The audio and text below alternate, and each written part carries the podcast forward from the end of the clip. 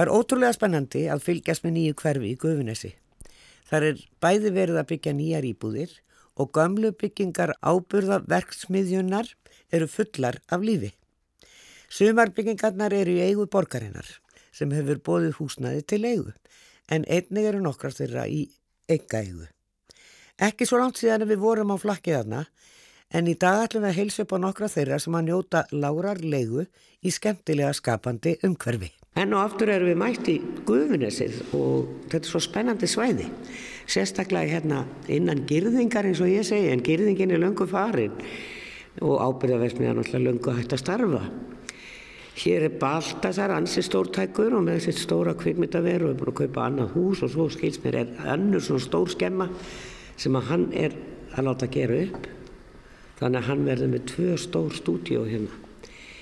E, síðan er og kom mér svolítið á óvart af því að það var náttúrulega stefnan e, svona hjá borginni þegar að e, var ákveðið að gera deiliskypulega hér upp frá að leifa kannski þessu svæði sem er hér innan gyrðingar og þróast. Kannski má líka því við eitthvað við grandan og fólk getur komið hér inn annarkvæmt keift eða, eða leikt og, og, og verið að vinna sinni sköpun sem er allavega. Og þá komið verulega óvart hvað voru margir sem voru búin að vera hérna bara heil lengi og við erum sérstaklega svona í svolum leiðangri í dag að, að heilsa upp á fólk sem að hér starfar og heyra þess af því. Hér er alveg brúðlandi sköpun má segja í öllu mögulegu. Og við hittum nokkra. Og byrjum hér á arkitektalokali stofu Allt mála hér skjanna hvít, örgulega 5 metrar upp í loft, bergmála svolítið en ekkert óbærilega. Ég ekki veiti hvað við verið í þessu rými, þetta er Guðunisvegur nr. 40. Þeir sitta hérna hjá mér þrýr arkitektar sem eru með þetta lokal og ætla að gera eitthvað spennandi hér og, og það er Óskar Óskar Arnórsson, Baldur Helgi Snorarsson og Gunnar Eilsson. Og hvernig lettu við hér? Uh, við sáum uh, þetta húsnæði til leigu sem svona hluta af uh, verkefni sem hétt að mér minni skapandi rými í húsnæði borgarinnar. Eða hétt eitthvað, eitthvað, eitthvað svo leiðis nafn. Og þetta var svona liður í átæki hjá borginni mitt að taka eitthvað af þessum húsum sem að væra einhver leiti vann nýtt sum þeirra þó nýtt einhver hluta en að það væri einhver laus rými í svona borgarhúsum út um alla borg sem að væri hægt að koma bara strax í nótkunn uh, fyrir uh, arkitekta og listafólk og skapandi fólk og við bara sáum okkur þannleika borðið að sækjum og, og hérna tryggja okkur rými fyrir okkar, okkar hérna, hugmyndir. Arkitektin Orri Steinarsson sem starfar í Hollandi en er nú að vinna mörg verkefni á Íslandi og meðal hans deiliskeipula hér og við erum spjallað við hann og hann kallaði þetta fríríki frumkvöðlana. Er þið að vinna sem arkitektur? Já, við vinnum, vinnum sem arkitektar en, en hérna en svo erum við svona kannski einbytt okkur að, að mismyndu hlutum og skræða náttúrulega að kenna og, og skrifa dottorsýtgerð. Ég hef verið svona einbytt að mér svona arkitektur en blandað saman við hönnun og, og list og við erum þá að smíða svolítið með því og, og þá er náttúrulega svona húsnæðið alveg kulsíkildi að geta verið með aðeins meira svona ym í kringu sig. Og hérna því að svo sjáum við fyrir okkur að sé hægt að nota þá þetta húsnæði líka sem svona plattform fyrir þá þessar svona uh, skapandi hlið arkitektana sem sést kannski ekki endilega alltaf á hérna, arkitektastofunum. Og geta þá verið með svona, svona síningar í miða vettfang fyrir arkitekt og aðra, hönnið og listamenn til að, til að sína það sér að vinni og sína sína hugmyndir. Nú er ekki langt síðan að við vorum um að ræða hér sé 40 viðkenningu sem að arkitektastofan Irki vann hér fyrir bryggjuna hérna og mm. brú yfir í Viðæ og uh, svo mjög útoplist verkefni. Uh, Kanski meira svoleið sem við erum með í huga að það sé verða aðeins að sprengja gassan. Um, já, það kannski upprunlega hugmyndin að þessu kom náttúrulega í samtali á mér og Óskari þar sem við vorum að pæla í að sjá arkitektúr frá raunverulega einhverjum stærri sjónarhornum sem kannski gerist ekkit endilega inn á stofu út af þar eru skorður og peningamörk og endalus mörk, eiginlega, má segja. Já. Þannig að þú veist, hérna var hugmyndin að búa til, fyrir, fyrir mína part allavega, að búa til sýningar í mig sem að, þú veist, þessi sköpunagafa færa að lifa og færa að, þú veist, Já. að sjást sem, sem fær ofta ekki að sjást. Nei. Og það væri þá alveg hægt að segja að einhver leiti að þessi, þessi, þessi tillega þarna fyrir höfnina það er algjörlega í þessum andaskilið það er allavega hvernig er hægt að hugsa einhvern veginn borgina einhvern veginn öðruvísi hvernig er hægt að uh, taka það sem að var uh, gömul versmiða og, og einhvern veginn var í eigu ríkisins en samt haldin einhvern veginn í eigu borgarna í hvernig er hægt að hugsa svæðið eða einhvern annan hátt? Óskar, þú hefur mitt ert að skrifa doktorsriðgerð í arkitektúr og ert að pæla í Marshall aðstofinni og þetta er nú eitt af þeim framkvæmdum er versmiða þegar sá peningur kemur. Allir þekkja orðið Marshall húsið út á Granda sem var átt að vera síldaversmiða var það kannski einhvern smá tíma en síldin hvarf og húsi stóð. Og, og það voru framtaksamir arkitektar sem að stungu og því að það húsi er gert upp og nýtt. Af því að þú ert að skrifa um Marshall-aðstofuna er það þá sem þú sérð möguleika hér?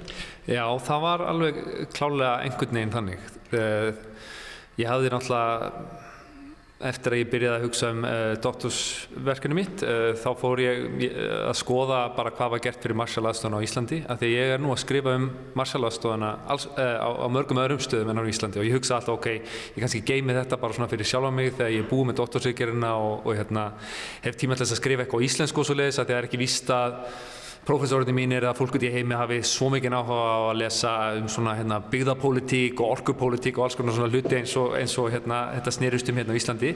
Þannig ég er svona búin að vera að geima mér það efni svolítið. En þess vegna var þetta líka alveg einstaklega áhugavert þegar við sáum að það var bókstaflega verið að, að leia húsnaði út í Guðunissi í þessu mikla Marshall húsi akkurat fyrir uh, skapandi fólk, það sem við getum kannski hérna, sko Guðunissið uh, og ábyrðaversmiðan var í rauninni stærsta einstaka framkvæmt uh, Marshall-aðstofunar með svona í rauninni þessum orkuverum sem að, uh, sem sagt virkunum sem að annars vegar hérna í, í, í aðaldal, uh, lagsá í aðaldal og svo hins vegar bara í sóginu og þessi svona framlegging af sóksvirkuninni var bókstæðlega til þess að hérna, fram, framlega orku fyrir, fyrir Guðunissið, fyrir ábyrðaversmiðuna og, og það er alltaf svona svolítið gaman að hugsa sko bara hvað bandarækjumönnum gekk til þegar þau komu til Íslands að þá voru þeir að hugsa sko, okay, hver, það sem þið gerðu með Marshall-aðstöðuna eiginlega allstaðar sem þið fóru, þá hugsaðu þeir sko hvernig, geru, hvernig búum við til góða bandamenn, það var eiginlega hugmyndin með Marshall-aðstöðuna, hvernig búum við til hérna vinnveitt fólk, hérna hinum einn við hafið eh, á milli okkar og þessar stóra óvinnar í austri. Og við gerum það fyrsta lagi með því að gera þau sko sjálfbær um sína eigin, um sína eigin nýtjar eiginlega. Og þá horfðu þau á Ísland og þau hugsaðu hvað er eiginlega hægt að, að búa til á Íslandi, það er eiginlega ekkert hægt það er eina sem, það vantaði vegi og brýr og hvað veit ég. Já, það eina sem þrýfst er fiskur og gras. Þannig að einhvern veginn þarf að finna leiðir til þess að sko koma öllum þessum fisk og öllu þessu grasi þannig að það nýtist uh, fólki þannig að það var svona annars vegar fór af stað þessi, svona, þessi reyfinga byggja fiskmjölsversmiður uh, síldarversmiður og, allan þennan svona allt þetta kerfi í kringum sjóin og svo var heilt annað kerfi sem var byggt í kringum landið. Og það er í rauninni hvernig á að nota þetta gras sem að þó þrýfst en gera það síðan ætilegt mönnum og það er í rauninni með því að búa til kjöt og mjölk og þess vegna var e, þessi leið að búa til í rauninni áburð úr bara súrefninu í loftinu e, nota þetta orkufreka ferli sem fæs, það sem þú færð orkuna úr, úr fallvötnunum til þess að búa til þennan áburð hér á Íslandi sem er þá fyllilega samkeppnisæði við áburð allstæðanast í heiminum. Sá okkur hér áðan hann, Helgi Gíslason myndtakari sem er búin að vera hér í 18 ár að hér hafi verið toll skild höfn meðal annars og mennundir báru hér pókan á bakinu og út í skip eða inn í bíla fóru um allan. E, margt, þetta er löng saga hérna, hún er alveg frá landnámsöld. Þannig að, að þið erum samt að svona, ég heyrði á póstinu frá Óskari sem hann setti mér helgi að, e, að það e, þið eru svolítið aukandi um að að hér verði kannski þessi sprúlandi grasrót eðilögð. Sko þetta var náttúrulega þetta, þetta verkefni sem var sótt um og hefum þá skapandi rýma borgarinnar og, og, hérna, og höfum verið hér núna í hvað rúmta ára, eitt og halda ára að gera upp þetta húsnæði, búa til hennan svona vettvang, þetta plattform sem við höfum verið að tala um. En svo spurning hvort þetta fáið að lifa. Við viljum náttúrulega bara endilega fá að vera hérna lengur og núna loksins þegar rýmið er nánast komið í stand og við getum fara að halda síningar og, og hérna fælt svolítið þessa hópa saman. En hérna þá er svona útlýtt fyrir að þurfið að, að það í þess að selja húsið, að setja húsið í söluferli og þá er spurning hvað verður gert við það. En nú er þetta náttúrulega svona tilla sem listhús í, í, í deiliskeipulagi og samkvæmt því á að vera einhvers konar skapandi innar í, í húsinu. Er þetta ekki bara frábært tækifæri þegar allir þessir hópar eru hérna komnir inn í húsið, búin að koma okkur fyrir, að við fáum núna að sína svona mátt okkur megin í húsinu og hvernig það getur þá smitað út í hérna hverfið og, og þess að væntalegu svona borgarþróun sem á eftir að eiga sér stað hérna næstu árum.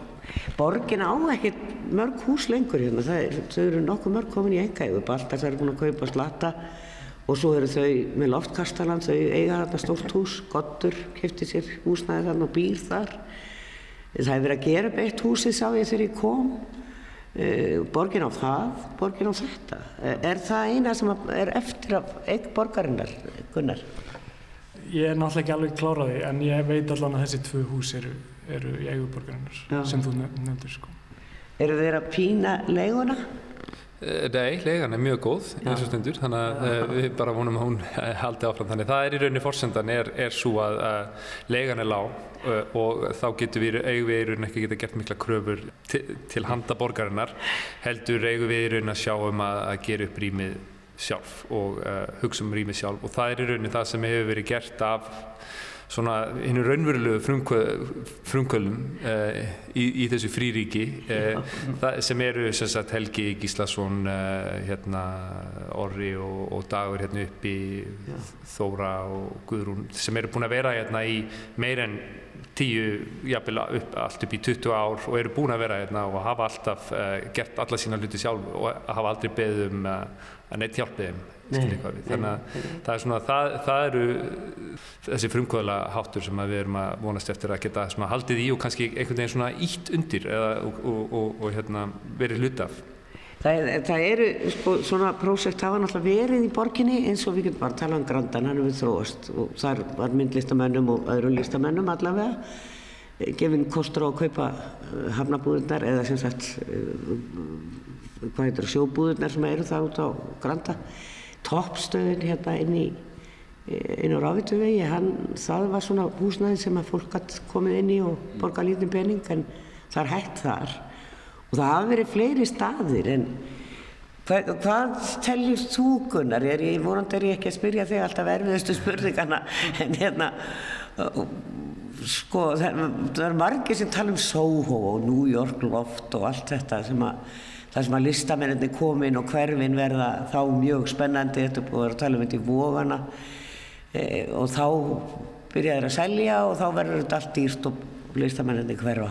Já, þetta er náttúrulega smá svona, hvað segir maður, þú veist, eins og í útlöndum það sem að gerist er stundum það að listamennir það er, þú veist, í dag að þeir fá að vera og þeir fá síðan raunverulega, þú veist, kauprétt á eignunum og þannig. Og það verður náttúrulega, þú veist, þá miklu meira spennandi rými í staðin fyrir að hérna væri bara lokaðar skrifstofur eða, eða hvað það væri, þú veist, eða íbúðir sem engin, ekkert líf utan, já, fælst í. Þannig að þú veist, raunverulega væri útrúlega gaman eða væri að litið svolítið út á annar staðar hvernig þetta búið að vera að gera. Út af það er einmitt verið að tala um að, þú veist gentrification, eða hvernig sem það útlegst á íslensku, það er náttúrulega gerist einhvern veginn alltaf og tekur yfir. Já. það verður fallegt að það myndi actually ekki fara svo. Svona verkefni náttúrulega taka alltaf tíma. Þá erum við ekki að tala í um, mánuði eða eitt eða tvað, þetta tekur nokkur ár að byggja upp einhverja, einhverja grassroot og, hérna, og, og tengja þessa hópa sem eru þá að, að svona reka, reka húsnæðið og, og gefa því tækifæri til þess að komast á svona menningakort það er það, það sem við erum svona að kalla eftir að, að kannski borginn svolítið sjá í það að þú plantar fræði þá þarftu að, vökva það og, og, og, og leifa því að vaksa og dapna á þannig að það skilar þessum sko ávexti. En það er náttúrulega, sko það sem gerist er að svo þegar sprúlandi starf sem er komin í gang og fólk er búið að gera húsnæði sjálft á eigin kostnað svona visslegra, að þetta var náttúrulega eins og ég segi, guðamil versmiða sem var orðin ansið hrörlega en húsin eru mjög vel byggð, það mér skilst. Og, og, og bara enga miklur og ekkert vesen, það er bara allt í lægi með þessi hús. Að þá byrja menn að, að, að hugsa, já það er þetta búið til peningur á hlemmi var uh, skapandi setur og þar var líka í gasstöðinni eins og húsi var nú kallað e, voru hönnuðir hanna í verk, fólk sem hafi lært vöruhönnun og annað. Sömulegis var tónlistinn þar á einu hotnun, ég held að það sé líka horfið. Að því að nú á að gera eitthvað annað á hlemmi þau eru sko, þau eru að búa að þróa starfið og fólk sem er ekki að kapna í leigu. Það kemst ekki að stað af því að leigan er allstað svo há. Ég skil þennan auk og ég ætla nú að spurja borgina en ég, ég hef heyrt bæði frá degi og þeim sem að sitta anda fyrir formennsku í skipilags- og umhverfisráði að viljin er að lefa þessi bara þróast. Já, ég, mynd, ég myndi, myndi vilja leggja áherslu á það að þú veist að okkur finnst þetta í rauninni bara ótrúlega sko merkilegt að borg, borgin hafi raunverulega gert þetta, að hún hafi bara bóðið ódýrt húsnæði til leigu og, og bara hafi bara bókstæðlega bara staðið með sjálfur sér í því og það er nú þannig sem við fengum þetta tækifæri þannig að við viljum alls ekki láta þetta hljóma eins og við séum ósátt við borgina í tíleiti við bara eina sem við getum bara sagt er að við vonum bara að við fáum að vera hérna áfram uh, og, og hérna og bara þar sem að við erum búin að leggja okkar vinnu í því húsnæði sem við erum búin að leggja vinnu í. Já. og hérna að því að þú ert að tala bara um sko gamalt húsnæði og allt þetta sko að bara gamalt húsnæði það er eiginlega sko það er grunnurinn að hérna, spennandi umhverfi. Ég meina þú, gamalt húsnæði er akkurat það húsnæði þar sem að þú ert í rauninni búinn þegar að greiða niður hérna, setja niður einhvern kostnað af byggingunni Já. og það er það sem að leifir hlutunum að gerast. Þú, þú getur ekki fara að setja á stað hérna arkitektagalleri sem að engin veit hvernig á að standa undir sig í bara einhverju glæni, glæni húsnæði. Þannig að þetta er svona það er í gömlu húsnæði sem að þarna, hlutinir tækifærin geta skapast og það er, það er meira að segja hérna bara ég held hérna á hérna Jane Jacobs frá 1967 og það heiti bara hérna eitt kaplinn The Need for Aged Buildings og síðan er þetta náttúrulega líka bara merkilega byggingar það eru hannaðar af hérna, Haldóri Há Jónssoni sem hannaði Hotel Sögu og hannaði hérna Watergate bygginguna og Hátegiskirkju og allt þetta þetta er bara hluti af hans höfundaverki eitt merkast íslenski arkitekt 20. Eh, aldarnar mentaður í Svíþjóð og, og hérna stjórnaformaður Eimskipafélagsins og er unni bara einn testi viðskiptamæður eh, landsins. Það er annar komin í hans stað hér, viðskiptamæður, Baltasar er stórtakastur hér á þessu svæði en það eru ýmsir aðri konur og við skulum heyri flera fólki hér í Guðurissi. Við hverjum þá Óskar Baldur og Gunnar arkitekta og höldum í átt á gömlu bryggjunni. Umhverfið er afarrátt og virkar eins og enginn sé á svæðinu en það er öðru nær. Ung listafólk hefur haldið til í stóri skemmu vestast á svæðinu. Þar hafa þau skapan hlýra umhverfi með þýðnum lautum. Þetta er ótrúlegt svæði þetta gamla vinnusvæði hér við ábyrðavestmiðina. Stórar skemmur og ótrúlegt verið listamenn að komast inn í því lík rými. Svona skapa smá víðáttu brjálaði eins og ég sagði við þau. Elsa Jónsdóttur og Björn Loka Björnsson sem eru hér á stóri svæði og uh, eru búin að vinna hér í hvað, þeir eru búin að vera henni tvö ár. Já, mikið rétt. Við erum hérna sérst hópur af listafólki sem er búin að vera að vinna hérna og halda alls konar síningar og viðburði hérna síðastliðin. Það er svona mest, mest að gerast nú hérna á sumrin þar sem að rýmið er mjög hrátt. Já, og kallt. Já. Já. Þið voru með mikla hátíð í sumar, veit ég. Já, við vorum með... Ruslhátíð. Já, ruslfest. Já sem var svona uh, fymta háttíð með vinnstofum og tónleikum og jötna, hérna, alls konar endaði með einhver svaka svaka partí hérna inni í stóra salnum Hafið þið einhverja hugmyndu um hvað var hér í hvernig þetta hús var nýtt þegar þetta tilherði vestmiðinni? Já, ábúrðarsmiðin sjálfri? Já. Um, nei, við erum ekki alveg viss um hvað starfsemi var hér nákvæmlega. Það hefur örgulega, já, verið eitthvað pökkunarstöð eða eitthvað álíka, sko en svo var hérna, heyrðum við að rýmið hefði verið fullt af túbursjónvarpum þegar hérna gámafélagi var með þetta á sínu tíma og þá náttúrulega bara allt, allt út um allt hérna þegar við fengum rýmið sko þannig að við erum búin að vera svona í uppbyggingu hérna á svæðinu reyna að skapa eitthvað fallegt og vistlegt. Við erum hérna í einu visslegu rými, hér er búið að byggja bara inn í skemmuna lítið lilla kaffistofu og það er stúdíu hérna við hliðina lítið. Þannig að maður getur náttúrulega ekki unnið alltaf í svona flenni stóru rými. Nei, og líka það er kallt og ekki uppið, eða það er ekki uppið það og, og þannig að maður þurft, þurftum að byggja, byggja okkur til svona smá vinnustofu krók og hérna, en þetta er salurinn er góður ef maður er með stóra hugmyndir sko, er hann fýtt fyrir það. Hvað er þið mörg hérna sem að nýta ykkur þetta pláss? Við erum kannski svona 12 að reka þetta og, og síðan eru við, þú veist, síðan er bara mjög mikið af fólki sem kemur inn með verkefni.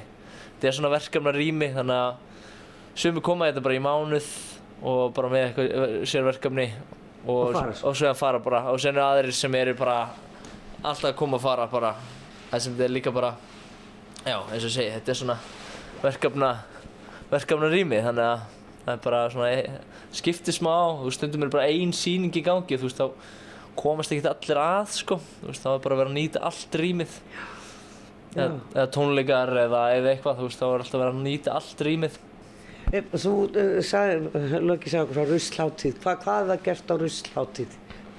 Va, sko að því að rusl, já það er nú margir sem segja að elda rusli og þá verður það myndverk.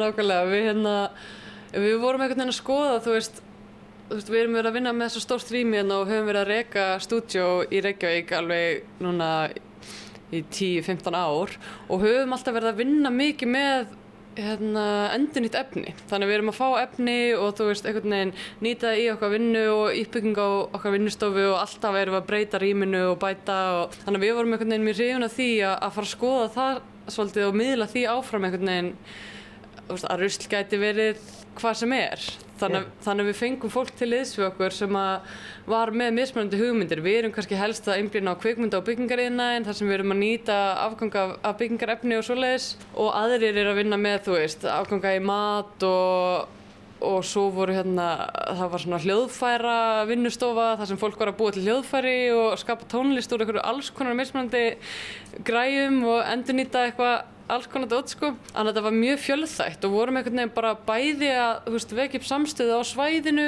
og fá, þú veist, skapandi einstaklega til að koma á svæðið og velta þessum hugtökum svona fyrir sér. Já.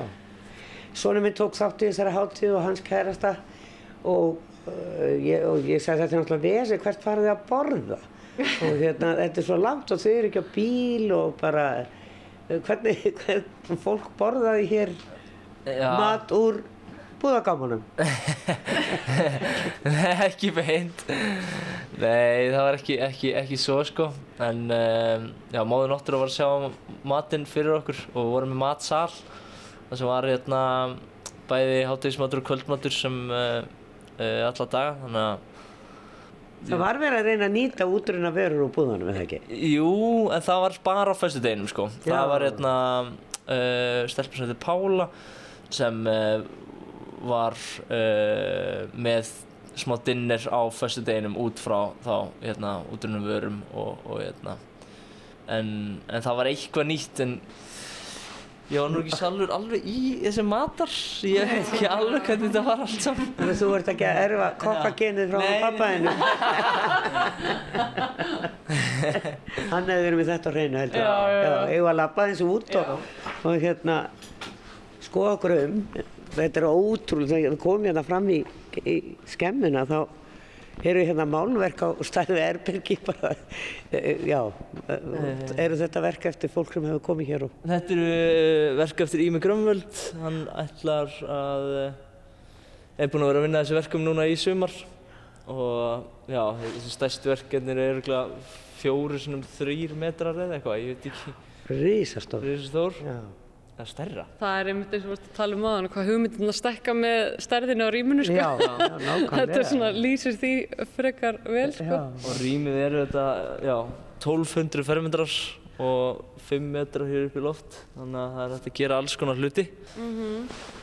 Ég kom á leigubíl hérna upp undir, kom við sikkurum megin við mig og hann, leigubílstjórin, ég var svona að segja hann hvað ég var að fara að bjalla við fólk hér og sem að væri að skapa og gera ímislega skemmtilegt og hérna, hann var mest taugaveklaður yfir því að, að, að þetta fólk sem að væri hér að það vilti trubla íbúan í Grafavogi. Hafið þið eitthvað orðið fyrir slíku áriði?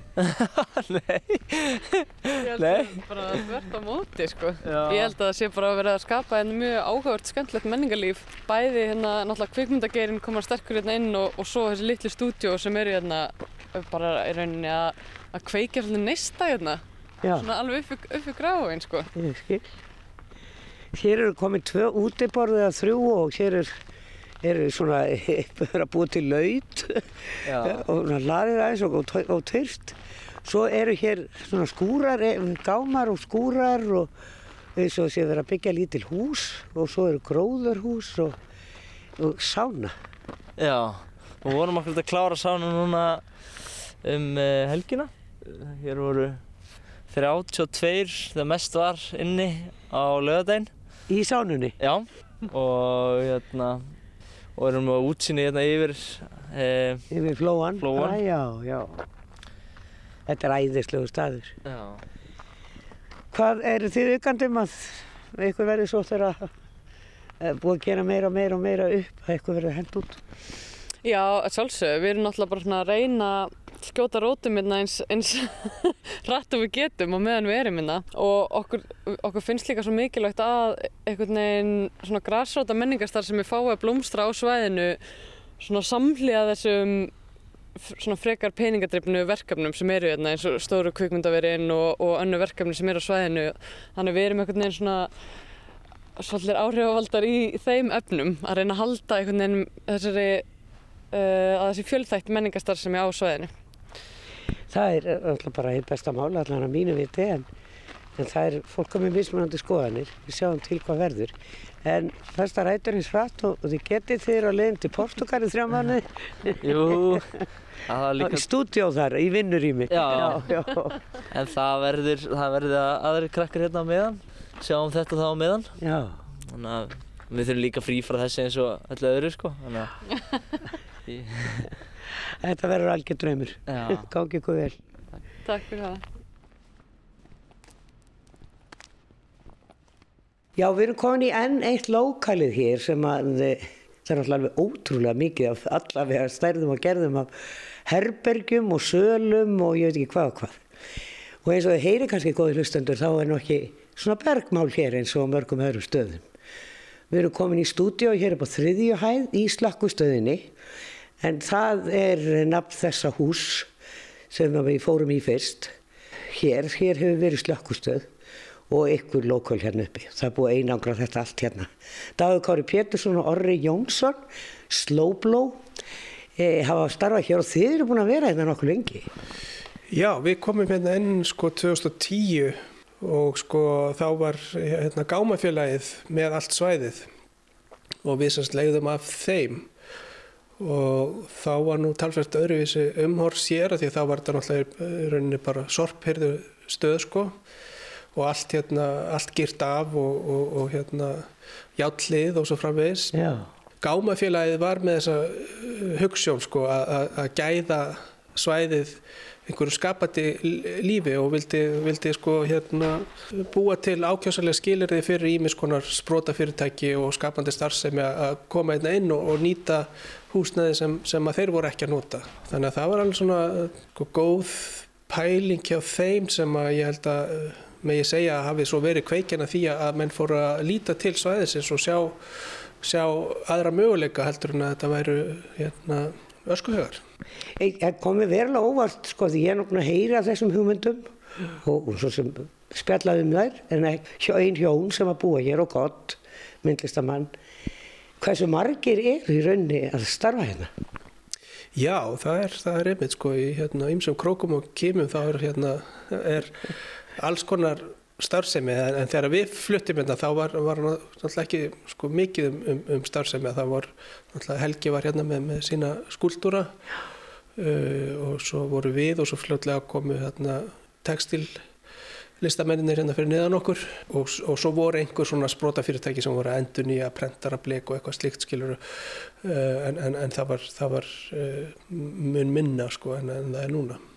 Er, það að taka upp plötur hérna eða eða hver- hvernig er það? Hvernig nýtið þetta húsnæði?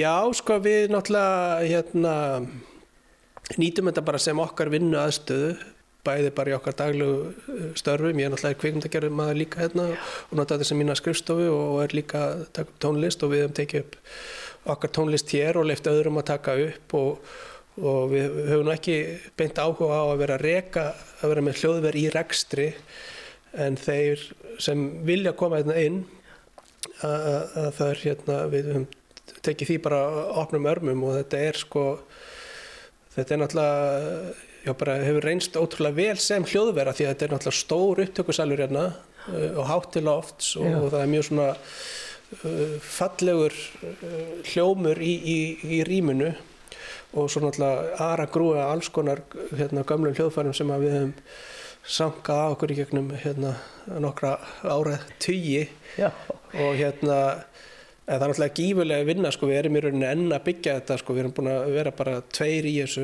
og, og bara reist þetta spýtu fyrir spýtu og þetta var náttúrulega bara steiftur, steift gímalt þegar við komum hérna og, og við höfum, en þetta voru eins og ég sagði að sko sorpirðstöð þegar, þegar við fluttum hérna inn, þannig að það var ímiskonar efniviður sem að, sem að lág hérna út um allt og þetta er, þetta er engöngu sko endurnýttur efniviður, við, höfum hyrt spýtur og, og byggingarefni til þess að gera einangra. Til þess að, já, við erum byggjum hérna alveg bara heilan tré struktúr og einangrum sko, inn í þessu steipu gímaldi sko. Segðu ykkur það hlustendur að hér í loftónum eru gamlar hvítar feldar hurðir hérna, með svona einu hurðarbili á milli. Eru líklega til að lækka þess loftið og, og taka endurkast. Og svo er timpur hér á öllum ekki Já, þetta er alltaf búið að vera alveg hérna fáralega mikil vinna sem við hefum lagt í þetta og það er nú, ég held að það sé nú þannig sko að það sé rauninni hérna sko ástæðin fyrir því að maðurinn hefur, hefur lifað af þar að hann hefur tilneingu til þess að vannmeta umfang hérna framkvæmda. Því að ef maður hefði svona hérna gerst sig grein fyrir því þegar það lagt var að stað þá, þá veit ég hvort við hefum lagt að staða því að þetta er að vera alveg fáralega mikil vinna sko. En, en, en, en svo sér þetta orðið algjörlega frábær aðstæða í dag ég veit ekki úr hvað eru mörg hljómborð hérna og allavega stærðum og gerðum magnarar og trommuð sett náttúrulega þá þarf líka að nota það en það er, ég hef aldrei séð svona það er með sér flýill hérna lítill. Og öll þessi raf, raftengtu hljómborð þetta er allur andskot eins og ég segi, lefum við nú að segja. Já það er að vísa að það er óvinni mikið af, af hljómborðum og orgulum hérna núna því að eh, hérna semst apparat organkvartett eh, eh, þeir eru að æfa hjá okkur um, um þessa myndir. Þannig að það er hérna eitt fjörði af upptökusalrum er, er undirlaður undir þeirra Já, þannig að þeir koma með þetta sjálfur Já, þetta er þeirra, þetta, þetta, þetta hérna er já, þeirra Skilja, þetta er skemmtilegt og þetta er gott plás, ég ætla að vona að ég fá að vera þetta hérna áfram, er það ekki óskinn? Jú, við náttúrulega við hérna við náttúrulega, það, það er ekkit inn í myndinni að, að flytja tíu ára vinnu og, og, og hérna uh, þú veist við getum ekki pakka saman. Uh, við, við erum bara að leggja niður okkar starfsamheldi sko því að mað, maður er orðin og gammal til þess að, að byggja eitt hljóðveri viðbútt þannig að, að frá upphæfi hefur verið tala á þeim nótum að það sé ákveðin grásrót sem hafi blásið lífi í þetta svæði og að það megi ekki gerast það sem að gerist yfirleitt alltaf er að, að listamenn, fátæki listamenn sölsa undir sig hérna, ódýrt uh, atvinnuhúsnaði í, í hverfum sem engum, enginn hefur áhuga á. Og svo þegar búið er að blása lífi að þá, þá kemur hérna, efnisíkjan og, og, og, og þurkar upp allar fastegnir og listamennir sem að voru hérna, kveiktu lífsneistan að þeim, þeim er hérna kastað á dyr sko og, og við höfum verið hinga til sammála eh, borginu um það að það megi alls ekki gerast. Það verði að halda í hjartað og, og, og það sem komur svolítið á stað. Skulum sjá hvað borgin segir. Stundum eru borgar yfirvöld skömmu fyrir að vera lengi að framkvæma hlutina. En í tilfelli gufinesins og þeirra sem þar starfa er það því besta mál. Við spyrjum Pavel Bartótsek, varaforman umhverfis og skipulagsráðs, hver stefna borgarinnar sé í málinu. Já, það er nú alltaf þannig að maður leiðir hjá einhverjum þá er það leiðu salin sem ræður hvers konar starfsemi fyrir inn í húsinn og, og, og eða í búar, hvernig það er. Og í gufinessun eru náttúrulega margi leiðendur borgin á ennþá slatt af þessum húsum eins og komið hefur fram slökkustöðin sem við heimsóttum þarna og, og, og heyrðum í tveimur aðilum sem þar eru og þó eru margir fleiri þarna að, að þau leiði hjá borginni og síðan heyrðum við í, í Loka og, og Elsu sem eru niður í stóri skemmi 1200 fermetrum niður við e, bryggjuna og það er líka í eigu borgarinnar. Annað stórt hús sem var verið að gera upp hana og er verið að gera upp, það er einnig í eigu borgarinnar. Það er enda fjöldi manns þarna, maður gerir sér ekki grein fyrir því. Þegar maður fer þarna upp yfir þá hittir maður ekkert fólk á förnum vegi. Það er alltaf inni í sínu, sínu lokali að, að skapa eitthvað skemmtilegt vonandi. En uh, Pavel Bartótsek er komin hérna til mér og við ætlum svona aðeins að fara yfir Sko við höfum séð svona byggingar þróast, mm -hmm. toppstöðina og alltaf Grandin er mjög gott dæmi mm -hmm. að, og svo hefur svo starf sem er fest rætur og sagði mér á þann að húsum væri friður þar, sjóbúðuna þar. Það, já, það, það, er einhver, það er alltaf einhver vernd á þeim já, já, já. Uh, þannig að þau, þau eru nú ekki fara en það er bara mjög falleg gödumynd sem, sem þau hafa myndað og ég held að það væri eftir sjá eftir, eftir þeim. Dagur sagði einhvern veginn í viðtælum Grandan að þeir, að borgin vildi ekkert vera að setja fingurna mikið í þetta. Þá er búið að deiliskepilegja þarna nokkra reyti e, af því að þeir vildu bara sjá þetta þróast og sjá hvað, hvað kæmi. Þetta græsrótin fengi að blómstra þar og hún hefur nú svo sannlega fengið að gera það. Já, hún hefur gert það algjör út á, út á Granda, ég menna við hefum allavega svona, veist, sem stendur ekki vilja kannski koma eitthvað íbúaböð inn á svæðið það því að veist, það náttúrulega kalla bara allt aðra innviði en, en, en rauninni það er gaman að sjá kannski svona ákveðna framlenging á miðbænum og, og mikið af, af veitikastöðum sem þarna hafa orðið til og sínur auðvitað oftir hægt að nýta hérna gamalt húsnæði sko undir, undir eitthvað nýtt og, og feskara þannig að það hefur hefnast mjög vel yeah. og nú erum við að tala um guðunis og það er kannski svona, svona dæmum kannski einhverliti svipað þróun að, að við erum þarna með húsnæði sem var svona yðnar húsnæði mikið til byggt fyrir þóna okkur síðan þá í algjörum jæðri byggðar og, og oft vill byggðin auðvitað þjarma að slíku húsnæði innan borgarmarkana og um, en þarna hefur verið kannski ákveða að leifa þessum byggingum að mestu að, að halda sér og finna undir það nýtt nót vegna þess að þetta er auðvitað ákveðin stíl, ákveðin svona yðnarlegur brútalismi, háar byggingar hérna, og grófar í sniðum en, en e, kannski minnstur sem við höfum ekki við á öðrum stað í borginni. Þannig að það er ákveðin svona eftir svona að halda í það og reyna að sjá hvort að þessi bygg getur gengið gegn svona endur nýjum lífdaga. Náttúrulega ef að borgin á þetta þá er hún ábyrg fyrir öllu viðhaldi og, og því öllu en, en fólki sem kemur alltaf í að ég þegar ég var að skoða með allum það leggur bara vinnu og, og, mm. og, og efni og annað til til þess að gera vistavirurnar vistlegri, við getum sagt það því að þetta er náttúrulega mjög gróft allt saman mm -hmm. skoðum þarna tvo, tvo hópa í, í, í slökkustöðinni svo kallaðri Já. og þar eru margir hópar og, mm -hmm. og sá sem er búin að vera það lengst er búin að vera í átján ár og náttúrulega látt séðan að vesmiða lokaði en e, það er kannski það sem að borgin vegra sig við að leifa þessu bara að halda áfram.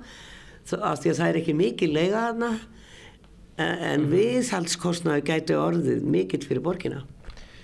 Já sko ef við kannski tökum bara um skipulegslega stefnuna þá er það alltaf skipulega stefna þetta svæði verði svona já frumkvöðlaða þorp eða þorp fyrir skapandi greinar og það hefur auðvitað þegar myndast þetta mjög öflugur klasi í þengslum við kvikmyndagerð og aðrar eh, skapandi greinar. Þannig að það er klárlega framtíðar eh, hugmynd um að stafsefni svo þessi muni áfram blómstörna en svo er þetta kannski hins vegar spurning sko veist, hérna, húsin mörg eru svona kannski komin á ákveðin, ákveðin viðhaldstími þannig að e, ég held þess að kannski rétt að taka fram að e, svona form á leig og eignahaldi hérna er ólíkt aðeins myndi aðila Já. og við vorum til dæmis fyrir árið síðan að auglýsa mjög mikið að rými þarna til leigu undir formverkjum skapandi húsnæði þess að fólk að komið inn á leikt á mjög láguverði en kannski vitandi það að, að hérna, það myndi ekkit fá að vera endalust vegna þess að hérna,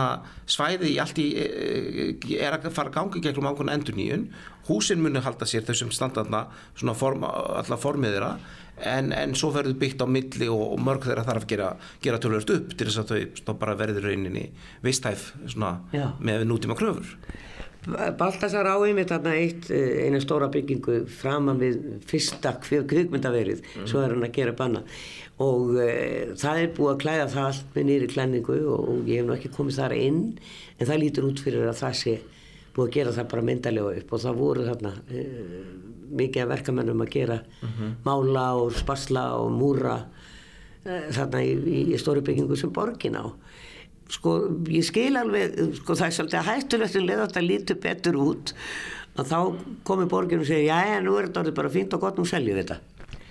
Já sko ég hérna nú, nú veit ég kannski hvaða stefna hefur mjög mótið annar staðar en til lengdar þá held ég að sé ekki endilega farsætla borgin sé sko rísastór eigandi á atvinnuhúsnæði Veist, það, er, það er ekki endilega okkar stefna að við um að vera fyrirferð mikil á þeim enda, það er bara fullt af aðlum sem sjáum það og gera það bara e, príðilega, við eigum það húsnæði sem veist, við höfum undir ákveðna ákveðna almanna þjónustu og félagslega þjónustu. En almennt sétt á höfum við ekki hugsað okkur að gerast sko reysa fastegna aðeina á atvinnumarkarum þannig að ég held að þróun í þessu sé og hefur oftast verið svo að borgin eignast húsnæði þegar það er í ákveð svona millibis ástandi skipulegur það og svo er það bara veist, bóðu út eh, til einhver aðila og sem gera það þá upp og, og hérna, selja að leia eða hvernig sem það er sko. þannig að ég myndi, ég myndi halda það kannski er því svona framtíða sínin ekki að við borgin endalega er því risast og fastegnaðandi e, á, á húsnæði í Reykjavík heldur að við séum svona þessi millibils aðili Getur borginn til dæmis ef við segjum svo, nú er bara spurningum lagalega fórsendu og bara uh, hvernig það er gert, ef við segjum svo að þið seljiði um, stökkustöðina sem við vorum í mm -hmm. og, og, og það er gert upp, mm -hmm. kannski áður, kannski gerir eigandi nýri eigandi húsið upp, mm -hmm. en getur borginn sett, skilir þið í, í sölusamning að það sé skilir þið að húsið sé nýtt undir skapandi störf? Ég held ekki í sölusamning en sko deiliskypula getur klárlega sett uh, hérna nótkun skorður og það er kannski svo leið sem er að því að sölusamningur er bara sölusamningur og um leið fólk bara að kaupa hlut þá hérna á annan. En, en, en það er kannski frekar súnálgun sko að rauninu vera þá með, með hvað er í deiliskypula um hvers konar stað sem við, við sjáum fyrir okkur.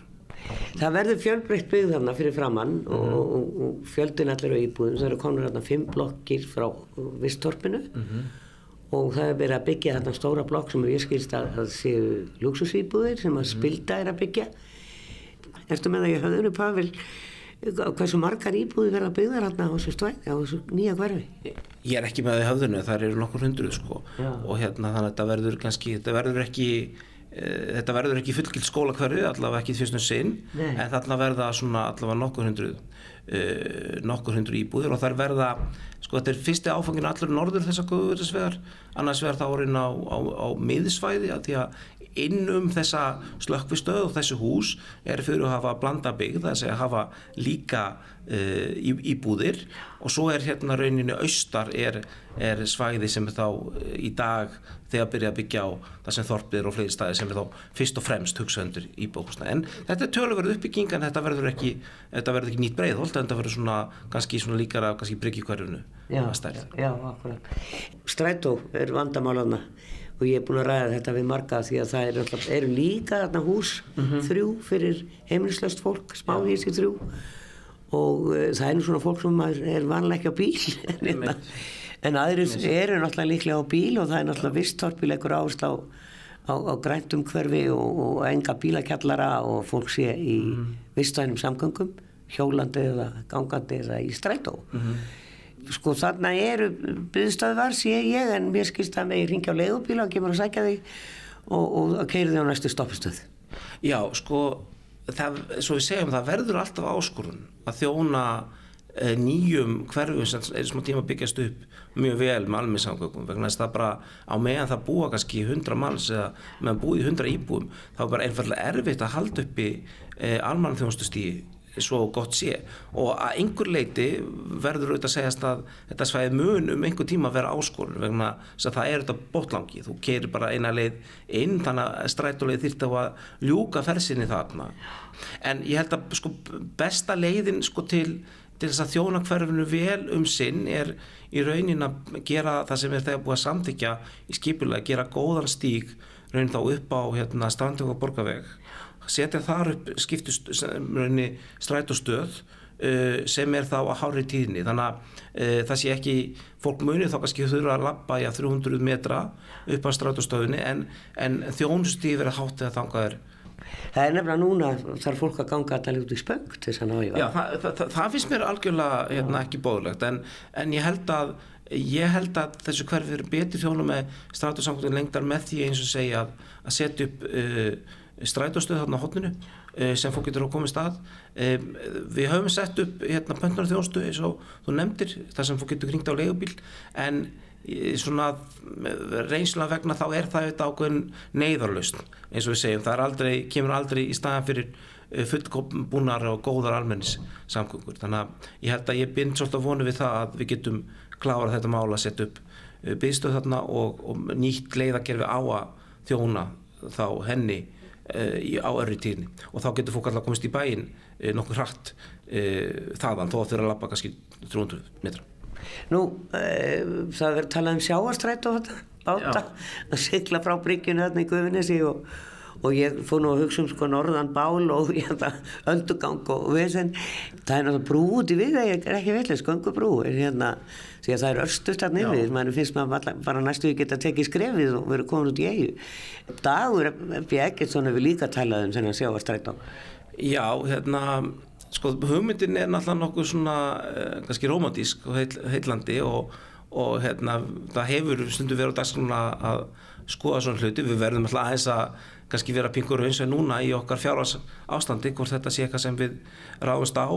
Það vil, þetta er og nefni þá, þá getur stundum hugmyndin verið aðeins fallegri sem hugmynd heldur en í, í framkvæmd og ég er ekki endurlega vissum að e, þetta sé svona almenn lausn á einhvern veginn samgöngumálum þessa hverfis að vera með bát nýr bæ. e, en hins vegar getur þetta svona verið auðvitað ákveðin skemmtilega tilrönd þannig að ég útloka ekki að hún verði einhvern tíman e, gerð en, en ég held að kannski að, að svona langtímar samgönguþörf hverfis þurfi kannski einhverja aðra lausn Nú, borgin kemur alltaf til með að eiga eitthvað húsnæði sem að fólk getur fengið leikt mm -hmm. fyrir lítið pening af því að alltaf veru einhverja byggingar sem að eiga að fara í endur nýju lífdaga.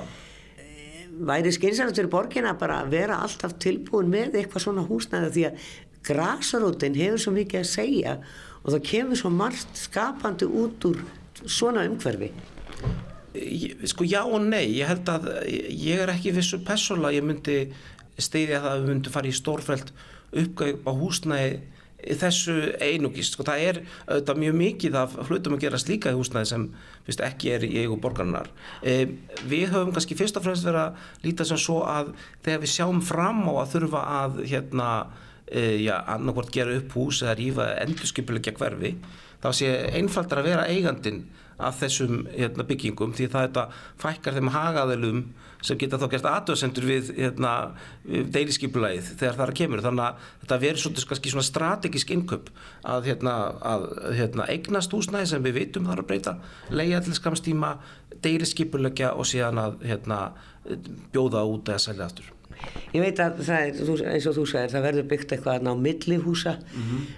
en, en það er náttúrulega ekkert gífurlegt, já það er náttúrulega stórt land og ég með dettu nú í huga þessi stóra skemma sem að Björn Lóki og Elsa eru í, 1200 fermetrar mann hefur nú einhvern veginn á tilfinningun og hún myndir hverfa í framtíðin og þar verður freka byggt Það er ekki, sko, ég torki hvorki sé af ánum með það. Það er búa deiliskypilunum svæði norðalgufunis vegar en þessi skemmalegur sunnan hans. Þannig að ég svona á eh, verðlunartillegunni sem skipila allt svæði frá Ívan Spíkar, þá var svona flestum húsum sem voru til staðar, fundið staður aftur. Þannig að ég myndi ekkert útloka það endilega en, en heldur kannski ekkert gefa, viðst, gefa fyrirreitt um að það verði. Það er bara eins að komi ljóst að við deiliskypulegjum rauninni, rauninni áfanga tvö sem er það sunnan guðuvinslegar það er eitthvað aðeins í það en þess að við erum náttúrulega fyrst að klára að byggja upp hana fyrir norðan Sagði Pavel Bartótsek var að formaður umhverfis og skeipilagsráðs Já, en íbúa kvarta mest yfir innviðarleysi, skólar, leikskólar, strætó. Það eru hlutir sem að borgin verður að huga að í nýjum hverfum og með meiri hraða en nú. Erfitt er að vera umhverfisvætni í samgöngum þegar það er nánast ómögulegt. Verðið sæl.